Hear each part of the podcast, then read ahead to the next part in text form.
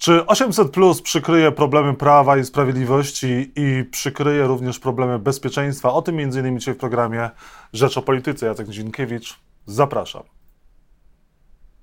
Cezary Tomczyk, wiceszef Platformy Obywatelskiej, poseł Koalicji Obywatelskiej, członek Komisji Obrony Narodowej jest Państwa moim gościem. Dzień dobry. Dzień dobry Panu, dzień dobry Państwu.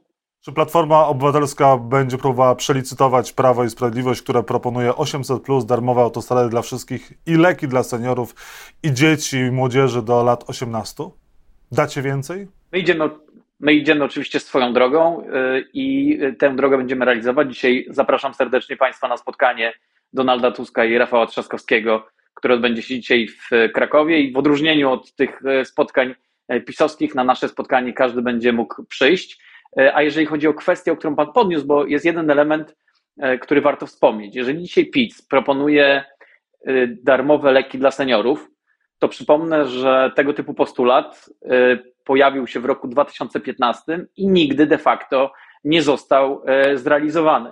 PiS przyjął strategię, że realizuje tylko jedną z obietnic wyborczych, tą, która dotyczy świadczenia 500, wszystko inne nie ma znaczenia. Państwo nie ma znaczenia, edukacja nie ma znaczenia, obronność nie ma znaczenia, zdrowie nie ma znaczenia. Ma tylko znaczenie jeden, jeden element, a dzisiaj wygląda na to, że PiS podjął decyzję, żeby ten e, program e, zmienić wcześniej niż zamierzał, no bo po prostu e, pali im się pod nogami. Ta inflacja afer, z którą mamy do czynienia w ciągu ostatnich dni i tygodni, no jest tak gigantyczna, że wydaje się, że PiS postanowił tutaj dokonać pewnego przyspieszenia. No ale dla wyborców to jest atrakcyjna propozycja. 800, plus, e, darmowe autostrady, darmowe leki dla osób powyżej 65 roku życia i do 18 roku. Jak wy na to odpowiecie? Jak na to odpowie Platforma? My pokazywaliśmy nasze elementy programowe i będziemy to robili e, sukcesywnie, co tydzień, co dwa tygodnie pokazujemy nowy element programowy, taki jak chociażby E, to słynne babciowe, czy taki jak kredyt 0% dla wszystkich ludzi, którzy chcą e, wziąć kredyt hipoteczny na swoje e, pierwsze mieszkanie. My musimy zrobić wszystko, żeby ten bój wygrać. Wiemy, że mierzymy się z przeciwnikiem, który nie zna absolutnie żadnych granic i który użyje wszelkich możliwych metod, żeby te wybory wygrać. Wiemy, z kim się mierzymy i jesteśmy na ten bój gotowi. Czyli licytacji ze strony Platformy nie będzie, nie zaproponujecie 1000 plus. Myślę, że nie ma takiego e, oczekiwania i nikt się tego e, nie spodziewa, bo uważam, że każda partia powinna realizować swoje pomysły programowe. My pokazywaliśmy przede wszystkim rozwiązania, które jednocześnie są inwestycją. Wtedy, kiedy mówimy, że dla kobiet czy dla rodzin powinny być przeznaczone dodatkowe tysiące złotych, to po to, żeby aktywizować ludzi, żeby ludziom się chciało, żeby dowartościować też wszystkie te osoby, które które pracują. Będziemy się oczywiście do wszystkich elementów, które PiS pokazuje, mm, odnosić w stosownym czasie, wtedy, kiedy zobaczymy e, projekty ustaw, ale też mamy głęboką świadomość właściwie tego, co Pan powiedział w pierwszym swoim zdaniu. Sytuacja z rosyjską rakietą, która leci przez kilkaset kilometrów, która w, przelatuje nad e, ogromną częścią naszego kraju, która mija Warszawę i która spokój, spokojnie ląduje w lesie, której nikt nie szuka, gdzie mamy serię wszystkich możliwych niefortunnych zdarzeń. To jest historia nie z filmu, nie z książki grozy, tylko z Polski w roku 2022 i 2023. E, I e, wiemy, że PiS próbuje zrobić wszystko, żeby te niewygodne dla siebie historie po prostu przykryć. Kto jest winien w takim razie tej sprawy z rakietą i jak należy ten problem rozwiązać? Czego będzie oczekiwała Platforma Obywatelska, czego będzie oczekiwała Koalicja Obywatelska w parlamencie? W najbliższym czasie chcemy, żeby w tej sprawie odbyła się Komisja Obrony Narodowej, połączona razem z Komisją do Spraw e, Służb Specjalnych, tak żebyśmy mogli pozyskać pełną wiedzę e, na ten temat. Ale też po tym, co zobaczyliśmy ze strony ministra Błaszczaka, nie mam wątpliwości, że pewne fakty będą e, ukrywane. Minister Błaszczak, który dzisiaj chroni się za plecami żołnierzy i oficerów, no to jest jakiś absolutny skandal minister obrony narodowej powinien wziąć pełną odpowiedzialność za to, co się w Polsce dzieje. To znaczy pełna odpowiedzialność?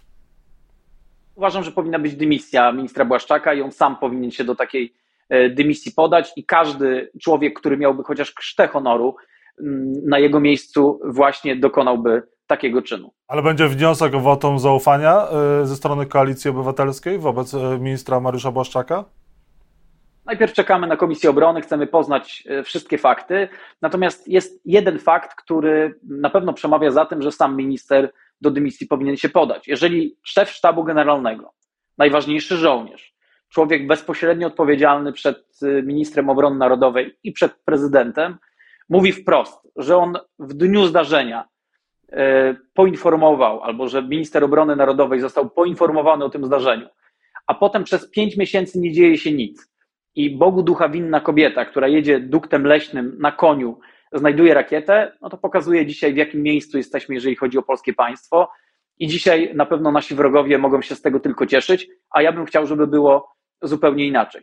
Żebyśmy mieli szczelny system obrony przeciwrakietowej, żeby y, polskie wojsko i polskie państwo z tego typu incydentów mogło wyciągnąć wnioski. I też myślę, że to jest ważna informacja, że ta rakieta, która spadła na terytorium Polski, to jest rakieta CH-55, zdolna przenosić ładunki nuklearne. Y, wielu y, ludzi, którzy nas teraz oglądają, ma wiedzę historyczną. Rakieta, z, wtedy bomba z ładunkiem nuklearnym, która spadła na Nagasaki, to było 20 kiloton, jeśli chodzi o moc. E, tutaj ładunek, który potencjalnie mógł się znajdować w tej rakiecie, jest dziesięciokrotnie większy. Czyli miasto wielkości Bydgoszczy wyparowałoby e, z map całego świata, gdyby taka rakieta e, uderzyła właśnie na przykład w Bydgoszcz. Musimy sobie zdawać sprawę, jakie mogłyby być konsekwencje tego działania. Ja tutaj też nie rozumiem mm, tego, co e, mówił i robił prezydent Duda, który na konferencji prasowej powiedział, że właściwie nic się nie stało, no bo nie doszło do żadnego wybuchu i nic się specjalnego nie wydarzyło. No ale co by było gdyby? Naprawdę chcielibyśmy być w sytuacji, gdzie musimy sprawdzić, co by było gdyby?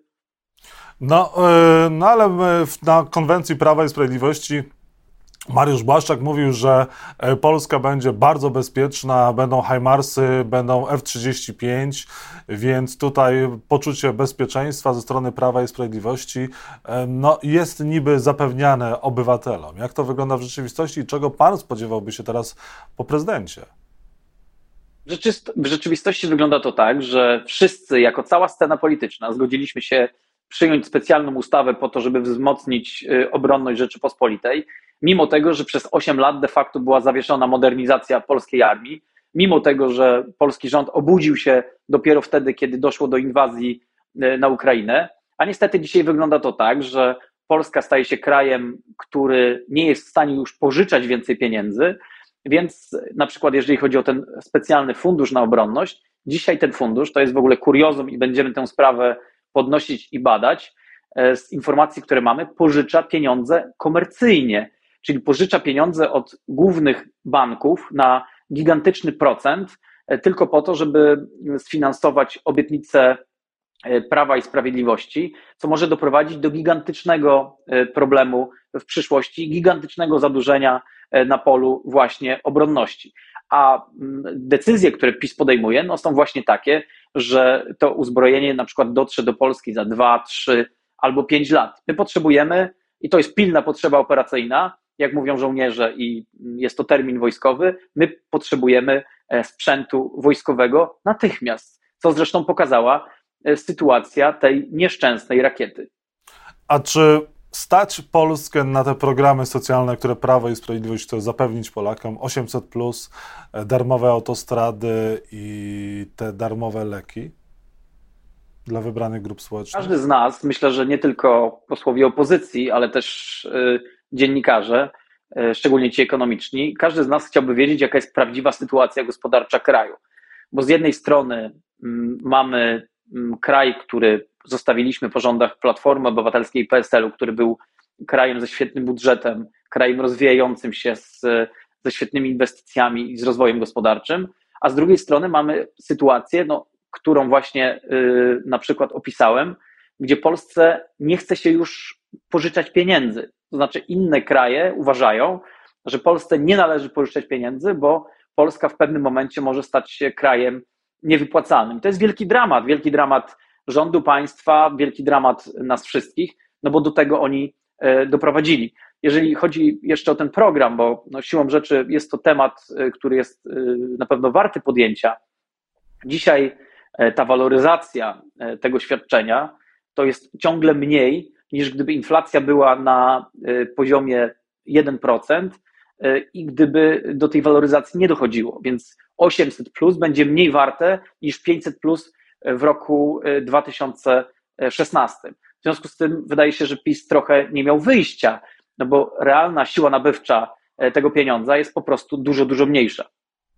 I na koniec może warto byłoby o tych kwestiach porozmawiać, żeby liderzy y, ugrupowań największych starli się publicznie i przeprowadzili taką y, debatę. Czy Donald Tusk mógłby stanąć y, do debaty z Jarosławem Kaczyńskim lub premierem Mateuszem Morawieckim? Donald Tusk wielokrotnie mówił i mm, dzisiaj mogę to tylko powtórzyć, że jest gotowy do debaty z Jarosławem Kaczyńskim, e, choćby dzisiaj. Tylko Jarosław Kaczyński tej debaty unika. Wszyscy pamiętamy ostatnią debatę obu panów, która skończyła się, mm, jak chyba Jarosław Kaczyński sam uważa, e, katastrofą wyborczą dla PiSu i e, szczerze mówiąc uważam, że ta debata skończyłaby się podobnie. Jarosław Kaczyński dzisiaj być może nie jest w jakiejś wyjątkowej formie, widocznie się czegoś obawia, ale ja też na jego miejscu obawiałbym się tego wszystkiego, co zrobił w ciągu ostatnich ośmiu lat e, z polskim systemem edukacji, ze zdrowiem, właśnie z obronnością, z kwestią inflacji, z kwestią najwyższych rat kredytów e, w historii Polski. To są e, historie, które powinny znaleźć odzwierciedlenie w normalnej debacie i w normalnym kraju. Do takiej debaty na pewno by doszło. Czy będzie tak tutaj? No to sami Państwo są w stanie ocenić. A czy Donald Tusk jest w stanie debatować również e, z premierem Mateuszem Morawieckim? Uważam, że liderzy powinni debatować na swoim poziomie. Szefem Platformy Obywatelskiej jest Donald Tusk, szefem PiSu jest Jarosław Kaczyński i myślę, że e, miliony Polaków e, najchętniej zobaczyłoby właśnie taką debatę, no bo to jest debata prawdziwa.